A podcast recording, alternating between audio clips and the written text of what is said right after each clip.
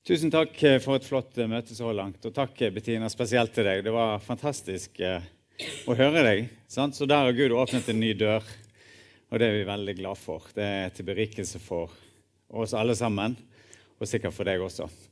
Så det er kjempefint. Før jeg begynner talen, bare minne om Det sto på skjermen, veldig fint. Eh, Go Equipped-kurs i Bergen for de som ønsker å integrere troen i hverdagslivet, og også kan tenke seg kanskje å ta jobb og tro til et annet land. Det begynner 29. mai, og det er fremdeles eh, ledige plasser, så det er bare å melde seg på 29. mai til 2. juni. Så det er den langhelgen der. Ja, da ber vi. Kjære Jesus, tusen takk for eh, dette møtet så langt. Takk for at du er her med din Hellige Ånd, at du taler inn i livene våre. Takk for at du talte gjennom Bettina, takk for at du talte gjennom nattverden. Takk for at du talte gjennom lovsangen, Herre. Og takk for at du kan tale inn i livene våre. Bare med at vi er til stede her. Så ber vi om at når vi deler ditt ord også nå, Jesus, at eh, det skal få treffe eh, hjerte og tanker og sinn, og at vi skal få ta til oss det som er fra deg, Herre, og, og få høre og gjøre, Herre. Leve det ut i våre hverdagsliv.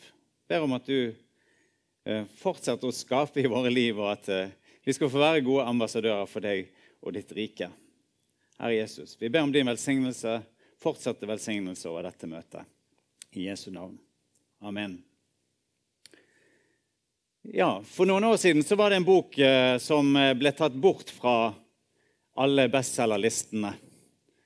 Eh, den rett og slett bare forsvant fra bestselgerlistene. Og det var litt eh, Egentlig ikke for å, at den skulle komme med falsk og feil informasjon, men det var fordi at uh, alle de andre bøkene som ble gitt ut, og alle de andre utgiverne, de ble lei av at det alltid, absolutt alltid var den samme boken som lå på toppen av listen. Og Derfor bestemte de bare nå tar vi den vekk. Nå tar vi den vekk. Det, det, vi gidder ikke å kjempe om andreplassene lenger. Den som ligger på toppen, den fjerner vi bare. Og Den boken dette gjelder, som lå på topp hvis du ser på verdensbasis, uke ut og uke inn, også veldig veldig ofte på topp av bestselgerlisten i Norge. Uke inn og uke ut, og alltid på slutten av året så var det den beste. Det var Bibelen. Bibelen som vi har her. ikke det fantastisk? Alltid på toppen. Alltid på toppen. Og i løpet av et år eh, nå i eh, Hvis du regner et helt år i vår tid nå, så selges det ca selges eller gis bort ca. 100 millioner bibler hvert eneste år. Eller for å dele det litt, eh, på litt mindre enheter ca. 300 000 bibler hver eneste dag. Det er fantastisk? Eller ca. 200 hvert minutt. Så da kan du spørre hvor mange av de har du delt ut? Nei skal ikke spørre det. Men gjennom hele år, hvert eneste minutt på verdensbasis, 200 bibler får en ny eier. Bibelen er den mest leste, mest distribuerte boken i verdenshistorien. Det er også den mest forbudte boken i verdenshistorien. Og I dag så er det i en rekke land restriksjoner eh, på Bibelen. Det er forbud både, mot å eie i enkelte land, eh, mot å gi vekk eh, og distribuere. Og derfor, fordi det har vært sånn, og fordi det er sånn i dag, så er Bibelen også gjenstand for smugling. Han må lure det med seg over landegrensene. Og Noen av oss som er i dette rommet, har vært med på å smugle bibler. Ikke jeg, men noen andre. Sant? Og eh, Inn i Øst-Europa på den tiden. I dag er det andre land en må smugle Bibelen inn i. Bibelen når du tenker på det, må være en farlig bok, siden det er såpass mange myndigheter som sier denne boken ønsker vi ikke innenfor våre grenser. Reiser du til Maldivene, og en del nordmenn gjør det, reiser til Maldivene. Selv om du kommer som turist og har med deg en bibel, om man så skulle være på nynorsk Jeg har med meg en nynorskbibel til Maldivene, for jeg skal lese når jeg er på ferie. Så kan du faktisk risikere at Bibelen blir tatt fra deg på grensen. Fordi myndighetene sier den boken der, den vil vi ikke ha i vårt land. Og det må være at de tenker den boken der er rett og slett for farlig. Den har for mye kraft. Den vil vi ikke ha inn i vårt land. Den franske filosofen Voltaire døde i mai 1778. Det er mange år blir det siden? Tre, tre, nei, 250 år siden. 250 år siden. Han sa, han sa i løpet av 100 år etter min død vil Bibelen ha blitt en museumsgjenstand. Andre og mer avanserte filosofier vil ta over. Fransk filosof, velkjent. Han kunne knapt tatt mer feil. I dag er temaet hvorfor og hvordan skal vi lese i Bibelen. Og i Bibelen er den relevant i dag. Og da, som enkelte hører, så er vi inne i disse alfakurstemaene. Og i september så starter vi opp alfakurs her i menigheten. Og Det tror vi kan bli et kjempebra kurs eh, både for oss som er i menigheten, og ikke minst et flott kurs å ta med seg andre på, der en får en innføring i den kristne tro. Takk og lov for det. Det blir spennende når vi kommer i gang med alfakurs. Vi skal lese et vers fra Bibelen. Det står i Salme 119, vers 105. Der står det Ditt ord er en lykt for min fot og et lys for min sti. Ditt ord er en lykt for min fot og et lys for min sti. I fjor høst jeg, hadde jeg vært på reise et par uker. og Så kom jeg tilbake, det var det blitt oktober. og Så liker jeg egentlig godt å løpe, og liker å løpe over Arnanipa. Og hadde satt liksom og så, Dette var dagen etter å ha kommet hjem og satt og tenkte på sant? er det for seint å løpe, eller går det greit. Sant? Fordi at det, nå begynner det å bli mørkere. og Jeg dessverre hadde ikke, husket ikke på at jeg hadde vært borte to uker. Og I løpet av to uker på høsten sånn, så blir det ganske mye tidligere mørkt på, på kvelden. Sånn. Så satt jeg sånn, ja, jeg rekker det akkurat før det blir mørkt. Så løp jeg og løp Rambergsveien opp. Og kom liksom, Det var greit å løpe helt til jeg kom til toppen av Arnenippa, men da var det liksom blitt så mørkt at det ikke gikk an å løpe. Og veldig kort tid etterpå så var det faktisk også så mørkt at det begynte å bli vanskelig å gå. Det må ha vært en av de mørkeste dagene på Arnanipa det året. Det var overskyet, ingen stjerne, ingen sol, ingen, ingen måne. sånn? Og så begynner det å gå nedover, blir bare mørkere og mørkere. Og til slutt så ser jeg faktisk ingenting. Og eh, begynner å snuble meg ned gjennom der og gå ut i sånne eh, gjørmehull og faller og greier. Sant? Og tenker at nå jeg kom til en alder med å være forsiktig med lårhalsen. sant? Ikke få brudd i den. Men eh, men sant? jeg er helt ute av kontroll, egentlig. Sant? Og jeg hadde brukt så lang tid som jeg skulle opp, og tenkte at vanligvis tar det jo bare litt over 20 minutter ned fra Arnenipa. Men nå gikk tiden kjempefort. Så kommer det endelig, endelig en som jeg kjenner, sant? med lys, gående oppover der på sånn mørketur. Vi ser dette lyset. sant? Og så sier hun 'Trenger du hjelp?' Så sier jeg nei da, det går fint, dette. det går fint, dette. sant? Jeg trenger ikke noe hjelp. Bare gå oppover. du videre. Sant? Hun kunne følge meg ned. Nei, nei, nei, nei. Så, ikke nødvendig det, sant? så går hun videre oppover. Og jeg er like hjelpeløs tilbake. og tiden går. sant? og Jeg kommer sakte, sakte nedover. Heldigvis var ikke Birgit Jeg tror ikke du hadde sett når jeg løp ut. Du hadde sikkert blitt bekymret. Og så til slutt kommer det endelig en som går min vei, da, med noen hunder der og greier. sant? En jeg ikke kjenner, og tar meg igjen. da. Og så har du plutselig lys på stien. Sant? Og livet er rett og slett fullstendig forandret. Sant? Nå kan jeg gå helt vanlig her. Fallene er forbi. Sånn. Jeg kommer meg hjem. Dette går. Dette går utrolig fint. Ditt ord er en lykt for min fot og et lys på min sti. Jeg, denne dagen så brøt jeg egentlig med de lovene som var lagt ned i skaperverket. Fordi det er noe med at Hvis du skal gå på mørketur i fjellet, så er det lurt å ta med seg en lykt. Det er lurt å ta med en lykt. Eh, og det er lurt å ikke ha små marginer. Og Bibelen er på mange måter sant? Det er et instruksjonshefte. Eh, nå har jeg en kone. Eh, hun sitter her, så derfor kan jeg si dette med stor frimodighet. hun liker ikke å lese bruksanvisninger. Jeg vet ikke om det er flere som har det på den måten. Kan kan vi få en liten hånd i været? det er sikkert en del som ikke liker å lese bruksanvisninger. Jeg trodde lenge det var en sånn mann-kvinne-ting, men jeg opplevde at i en del familier det er helt motsatt av sånn som vi har det. Så det er sikkert ikke mann-kvinne. Men, eh, men liker liksom ikke de instruksjonsheftene. Likevel så tror jeg nok eh, du og Birgit vil erkjenne at av og til kan det være lurt å lese. Av og til er det lurt å lese. Fordi at når du leser et instruksjonshefte, så oppdager du muligheter som du ikke visste at fantes på den enheten som det heftet gjelder om. Sant? Det er noen nye muligheter som du har der. Og ikke minst så finner du ut hvordan du kan ta vare på det apparatet som du nå har foran deg. Sant? Har du en tørketrommel, så er det noe som heter sånn lofilter.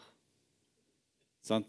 Og det Hvis ikke du tømmer det relativt ofte, så er det rett og slett farlig. Det kan begynne å ta fyr. Det står i instruksjonsboken at det må du gjøre. Der kan du finne ut av det. Har du bil og en vanlig sånn eh, bensinbil eller dieselbil, sant, så står det i instruksjonsboken hvor ofte du må skifte olje. Du trenger for så vidt ikke å lytte til instruksjonsboken eller å lese den. Problemet er bare at bilen blir ødelagt hvis du ikke følger instruksjonen. Og Det samme gjelder Bibelen. Bibelen er på en måte designerens instruksjonsbok til oss. Veldig bra. Bettina, du nevnte Bibelen, sant? at den forandret livet ditt. Eh, designerens instruksjonsbok til oss. Og når vi sier det, så har jeg lyst til å si også samtidig at eh, utgangspunktet her? Hvorfor har Gud gitt oss denne boken her? Jeg tror mye av det oppsummeres i Johannes 10.10. 10 der det står tyven kommer bare for å drepe og stjele og ødelegge. Mens jeg har kommet for at dere skal ha liv og overflod. Jeg har kommet for at dere skal ha liv og overflod. Tyven kommer for å drepe og stjele og ødelegge. De ti bud, Vi har snakket om det før her òg. De ti bud sant, som mange opplever som en sånn begrensning. Men nå er vi innenfor instruksjonsboken. Sant? Instruksjonsboken den lager rammer for livet vårt. De ti bud finner vi i 2. Mosebok, kapittel 20. Ofte spørsmål om det er sånne quizer. Så husk det. 2. Mosebok, kapittel 20. Der finner du ti bud. Første bud du skal ikke ha noen andre guder enn meg. Sant? Men det står faktisk ikke i første vers. Det står i vers 3. Og før første bud så står det 'Jeg er Herren din Gud, som ledet deg ut av Egypt, ut av slaveriet'. Sånn? Ut av trelldommen ledet jeg deg. Og så sier han, her er ti bud. Hvis du følger de, så bevarer du din frihet. Jeg er kommet for at dere skal ha liv og overflod. Det er utgangspunktet for instruksjonsboken. Skal komme litt mer tilbake til annen type innhold. Kan vi stole på Bibelen? Kan vi stole på Bibelen? Ja. Kan vi det? Den er skrevet, Det er 66 bøker i Bibelen. Den er skrevet av 40 forfattere, minst. Med ulike yrker og med forskjellig, veldig, veldig forskjellig skrivemåte også. Sånn du kan nesten gjenkjenne dem på skrivemåten. Det er ulike typer litteratur. Det er historisk litteratur. Det er mer som fortelling, det er profeterende, altså om fremtiden. Det er brev som er sendt i en helt spesiell kontekst. Hvordan kan alt dette her liksom være Eh, designet av den ene av Gud? Vel, Bibelen sier faktisk det selv, at Guds ord, uavhengig av forfatter, så er den inspirert av Gud.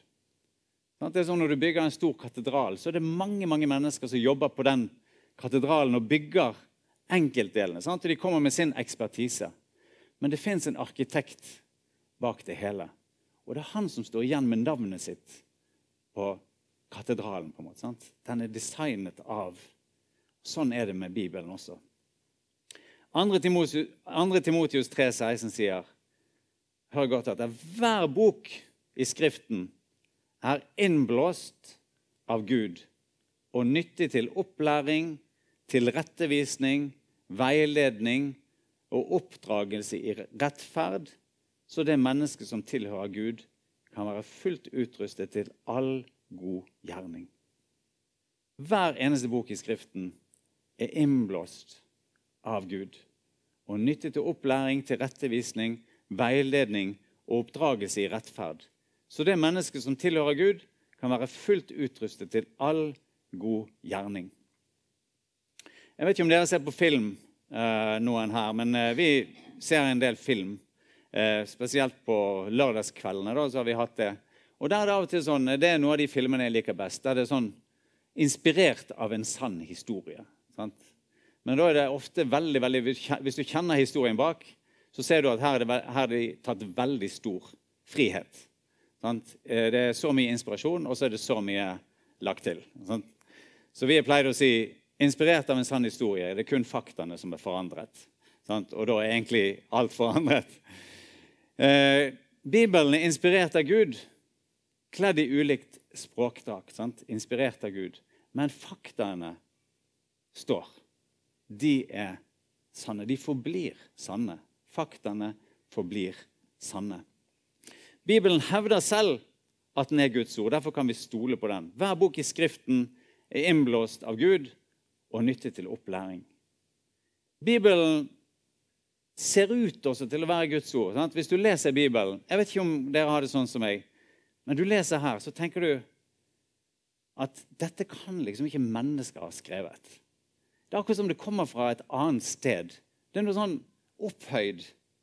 Så det er sånn, eh, Du finner det liksom ingen andre steder. Sant? Det bare er der. Han vitner på en måte selv om at han er en autoritet, at dette kommer fra Gud. Fra han som er absolutt. Fra han som vet alt. Fra han som har skapt alt. For, for dere òg den følelsen når dere leser Bibelen? Jeg får den følelsen, det, det kan jo ikke være bare mennesker som har skrevet dette. Det må være skrevet utenifra. Så den vitner selv om at han er troverdig, og at dette er Guds ord. Siste punkt. altså Bibelen hevder han er Guds ord. Han, når vi leser han, så får du følelsen av at han er det. Og Bibelen beviser også at han er Guds ord, og ordet virker. Sant, Bettina? Du sa det. Du leste Bibelen, og du ble forandret. Sant? Du leste Bibelen, og du ble forandret. Jeg tror mange her kunne hatt det samme vitnesbyrd. Guds ord, det virker. Når vi leser Bibelen, så blir livet forandret. Det virker. Det virker. Guds ord, står det i Hebreerne 4,12, er levende og virkekraftig og skarpere enn noe tveegget sverd. Det trenger igjennom til det kløver sjel og ånd, marg og bein, og dømmer hjertets tanker og planer. Nettopp i møte med Guds ord sånn, så kjenner vi det. Altså, du, du, måtte bli kjent med det selv på en ny måte. Du ser disse her motivene som du har. Som du vet at det står Gud imot. Dette, dette er imot Guds vilje. Men Guds ord kommer inn og sier det der, det må du faktisk ta tak i. Det må du gjøre noe med. Levende og virkekraftig. Kommer du på, eh, kommer du på eh, alfakurset til høsten, så vil du møte to mennesker som kommer opp på, to kvinner som kommer opp på skjermen her. Skal vi se om vi får de opp? Der har vi de. Martier og Mariam. Martier og Mariam. Etter teologistudier disse er fra Iran, etter teologistudier i utlandet på 2000-tallet, det er ikke lenge siden, så vendte de tilbake til Iran og de kjente begge et sånt kall. De ble kjent på teologistudien, og de kjente begge et kall til å reise tilbake til Iran og dele Guds ord med eh, sitt eget folk. Så ba de om å få tilsendt eh, Nytestamenter, eller bibler.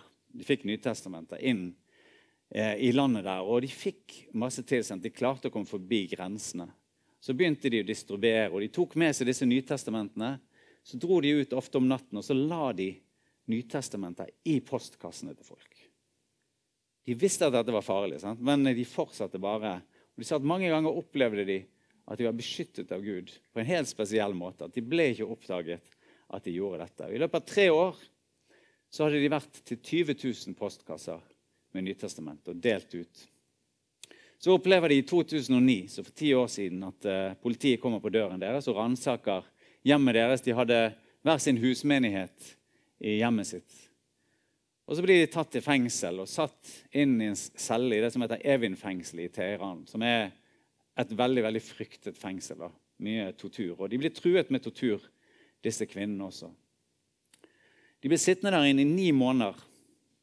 Og 14 av de 14 dager i løpet av den perioden sitter de på enecelle. Veldig, veldig stor belastning. Ti ganger står de for domstolen, og de blir truet med dødsdom, at de vil bli hengt hvis ikke de fornekter troen på Jesus. Et veldig, veldig, veldig press. Så blir det masse internasjonal oppmerksomhet rundt disse to sin sak. og Det blir et veldig press på iranske myndigheter, og de velger til slutt å la de gå. Etter ni måneder så får de gå, og de får forlate landet. Disse to, når de satt i fengselet, så tenkte de at de kom til å dø. Så de hadde ikke noe annet å gjøre enn å be, og så hadde de ikke noe bibel. Men de husket bibelvers som de oppmuntret hverandre med. Og så visste de heller ikke om disse biblene de hadde destruert. Sant? Eh, så mange hadde det noen effekt, liksom? Eller var det bare eh, en stor belastning for oss uten at det skapte resultat? Åtte år seinere, så bare for to år siden, tre år siden, så var de to på møte, de dro til Australia og hadde møte der og var invitert i en kirke. Og De forteller om det de har vært med på, forteller om livet sitt med Jesus. Etter at uh, møtet er over, så kommer et par, ektepar opp til scenen gråtende. Så sier de, 'Vet du', sier kona, 'vi er en av de familiene som fant et Nytestament i vår postkasse'. Jeg var ute og hentet posten, og vi fant et Nytestament der. Vi begynte å lese i den boken, og hele familien vår kom til tro på Jesus. Hele familien kom til tro på Jesus. Halleluja. Halleluja. For et vitnesbyrd for disse damene da, som hadde betalt en så høy pris. Og sånn kan vi også tro sant, at eh, når vi fordeler Guds ord, når vi fordeler Bibelen, ja, så skapes det noe nytt. Så skaper Gud noe nytt. Den familien der er ikke alene. Bettina, du er ikke alene. Det er mange som kan vitne om det samme. Denne boken har forandret mitt liv. Og Det er derfor jeg tror at så mange myndigheter er redde for den boken også. For de sier at den boken ønsker vi ikke. Den forandrer folks liv. Og nettopp de forbudene tror jeg beviser Guds eh, kraft og Bibelens kraft. Hva gjør Bibelen? Bibelen forteller oss hvem vi er, hvem du er, Sant? Hvor du kommer fra. Du er skapt i Guds bilde. Sant? Han har designet deg. Han har tenkt hvordan han ville ha deg, og så har han skapt deg. Bibelen forteller hvordan han ønsker at du skal leve det livet som du lever, lever nå. At mens du bruker den designen som han har gitt deg, inn i samfunnet som vi lever i, så skal du samtidig ta folk med deg på veien. La de bli kjent med Jesus. Led de inn i fellesskap med han. Mens du går lever det livet som Gud har gitt, så gjør mennesker til disipler av han. Så forteller han hvor du kommer fra, sant? om livet her, og hvor hen vi er på vei. Vi er på vei til en ny himmel og en ny jord. Har ikke noe å frykte.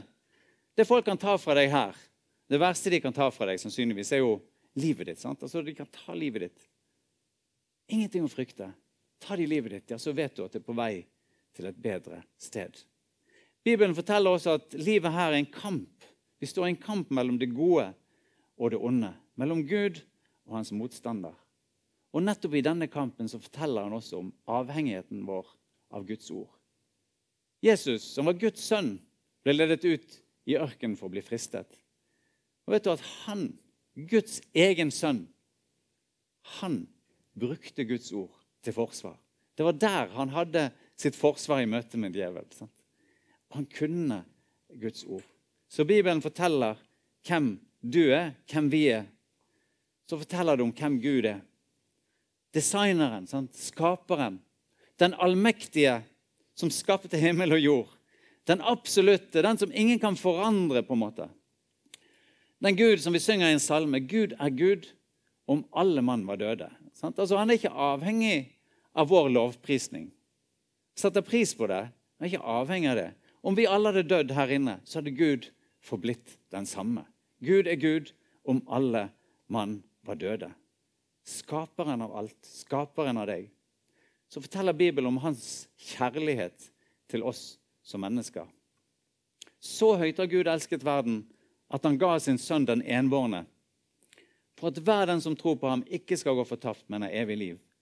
Gud sendte ikke sin sønn til verden for å dømme verden, men for at verden skulle bli frelst ved ham. Den som tror på ham, blir ikke dømt. Og Her eh, Bettina og alle andre, her ligger også mitt, et av mitt vitnesbyrdene mine i møte med Bibelen. Vet du, Jeg hadde en tid fra sånn noen og tyve, kanskje rundt 20, og noen år der, der jeg brydde meg ikke om Bibelen, levde i strid med Guds ord. Men jeg fortsatte å lese, jeg fortsatte å gå i kirke.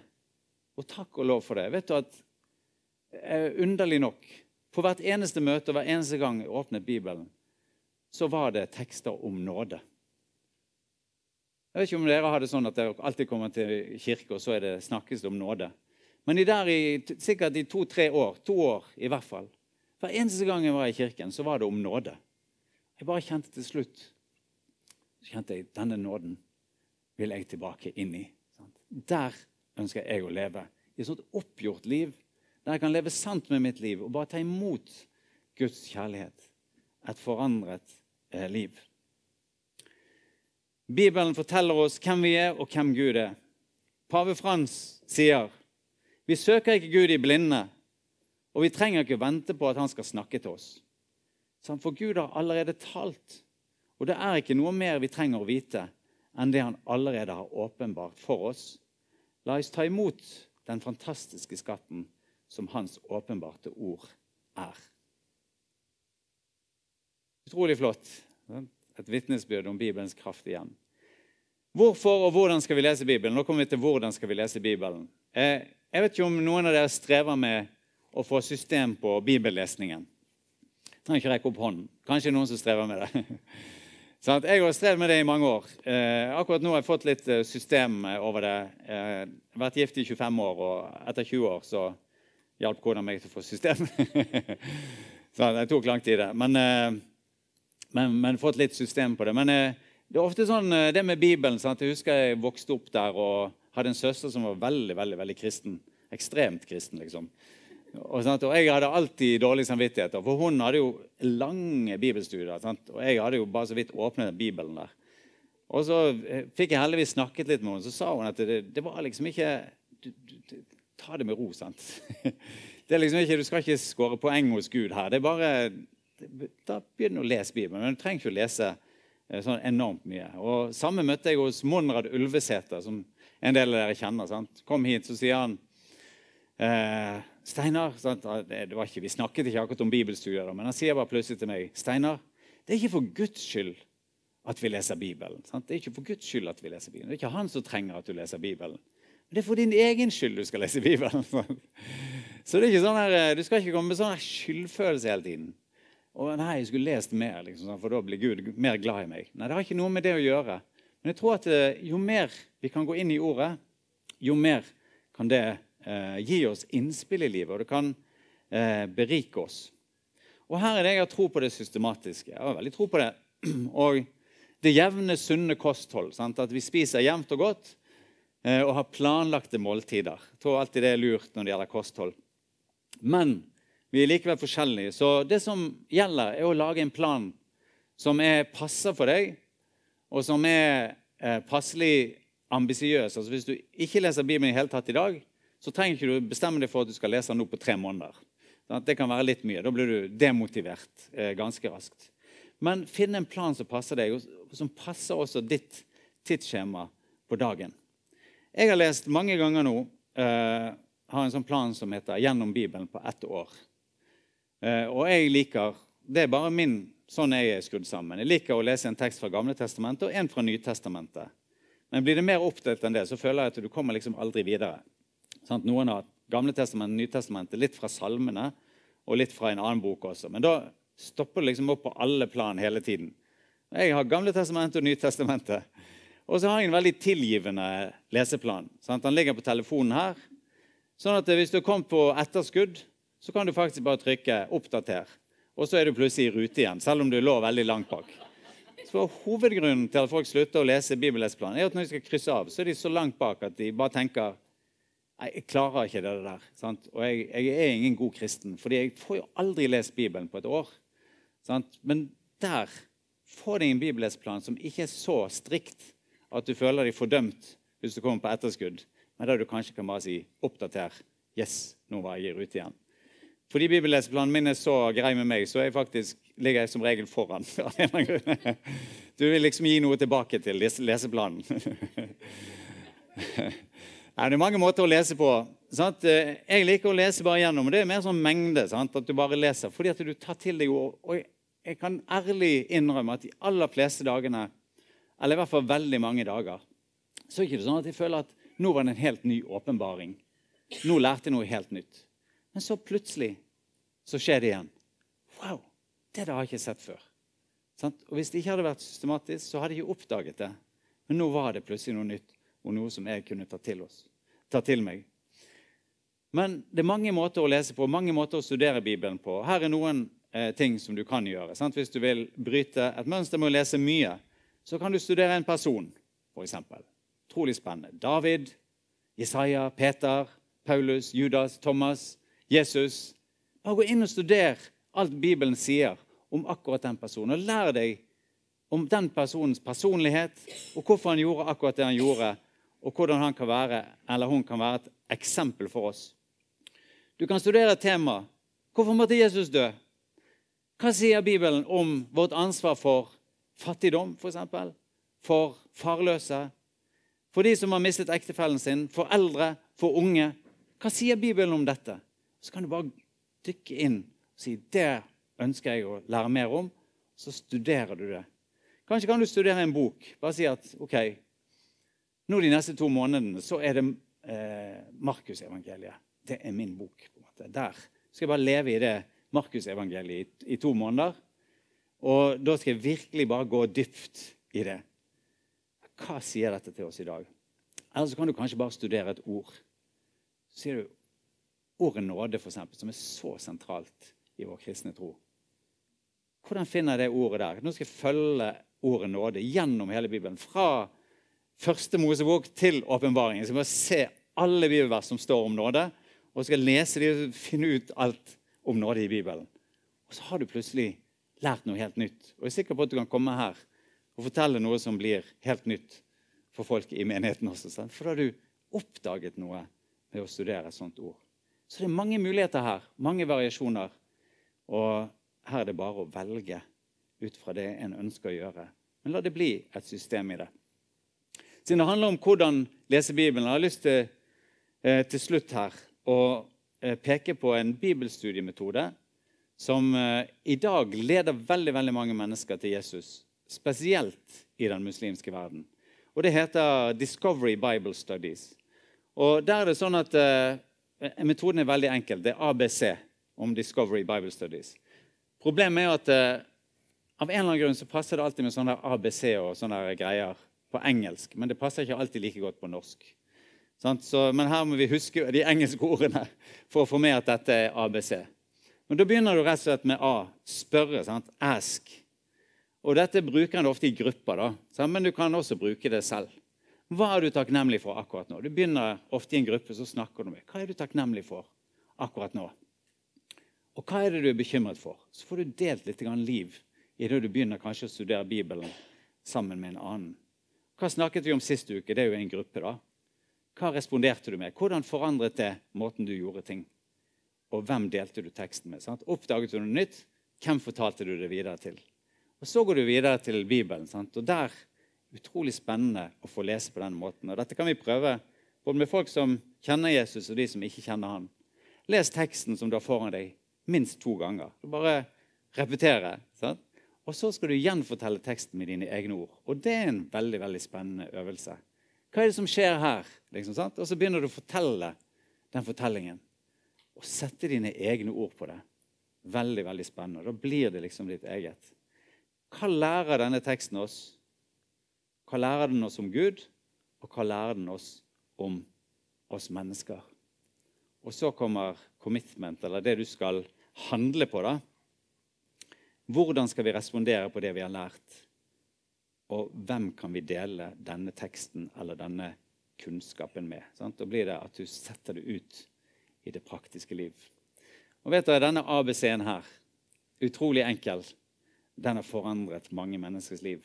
Ofte når vi har kurs, så bruker vi en tekst, og så øver vi på å gjøre det. Vi skal ikke gjøre det nå, det er gudstjeneste her. Men du kan ta med deg, hvis du tar bilde av dette. Sant? Kan du ta med deg hjem, og så kan du bare ta en kjapp test. Bare en halvtimes tid eh, når du har kommet hjem i dag. Og så kan du ta en tekst. Har du lyst til å ta en tekst som jeg har funnet fram her, så tar du Matteus 13. Da må du skrive det ned. Matteus 13, 44-46. Matteus 13, 44-46. handler om en, eh, en, en, mann som finner en skatt i, skatt i en åker. Sant? Og så har han så lyst på den skatten at han selger alt han eier, for å kjøpe den åkeren og få tak i skatten. Og så er det en mann som finner fine perler. Han handler med perler, og så finner han en fin perle. Så sier han den perlen ønsker jeg. Jeg selger alt jeg eier, for å få tak i den ene perlen. Så sier Jesus Guds rike er akkurat som disse to. En som solgte alt han eide, for å få tak i skatten. og en som solgte alt han eide for å få tak i perlen. Og så kan en gå inn her og spørre hva sier dette om oss, om Gud, om oss mennesker, og hvordan skal vi handle i forhold til det. La oss be. Kjære Jesus, takk for uh, at vi har uh, ditt ord. Takk for uh, at vi har Bibelen. Takk for at Bibelen er åpent tilgjengelig for oss her i vårt samfunn. Takk for at vi kan lese den, og at den kan få forandre livet vårt. Og vi ber Jesus for alle i salen her som strever med å finne tid eller å få rytme på bibellesning. Nå ber vi, Herre, om din hjelp. At du skal hjelpe oss til å systematisere det, sånn at vi kan ta til oss fra ditt ord hver dag. Og Herre, vi ber om at det skal få skje med glede, og at det ikke skal føles som en sånn, noe vi skal oppfylle i forhold til deg, men at det skal være noe at vi kan kjenne at dette er noe vi får fra deg, Herre, når vi gjør akkurat dette. Så takker vi deg for at Bibelen blir trykt og oversatt og trykt på stadig nye språk. Takk for at den blir mye lest Herre, rundt omkring i verden. Takk for at det er 100 millioner nye mennesker som får motta en bibel også i år. Og bare mens vi har talt til Herre, så er det tusenvis av mennesker som har fått en bibel. Og vi ber Jesus om at denne boken at den skal få forandre enkeltmennesker og samfunn. Og lede nye mennesker til deg og la de bli kjent med din frelse, Herre. Og at vi, ja, alle sammen, også vi som er her, skal få livene våre fortsatt forandret gjennom å ta til oss fra det ord som du har gitt til oss. Vi ber om din velsignelse over hver og en i forsamlingen her. Far, når, I det at vi søker deg, søker ditt ord og søker deg, Herre, og ditt fellesskap, det å gjøre din vilje. I Jesu navn ber vi. Amen.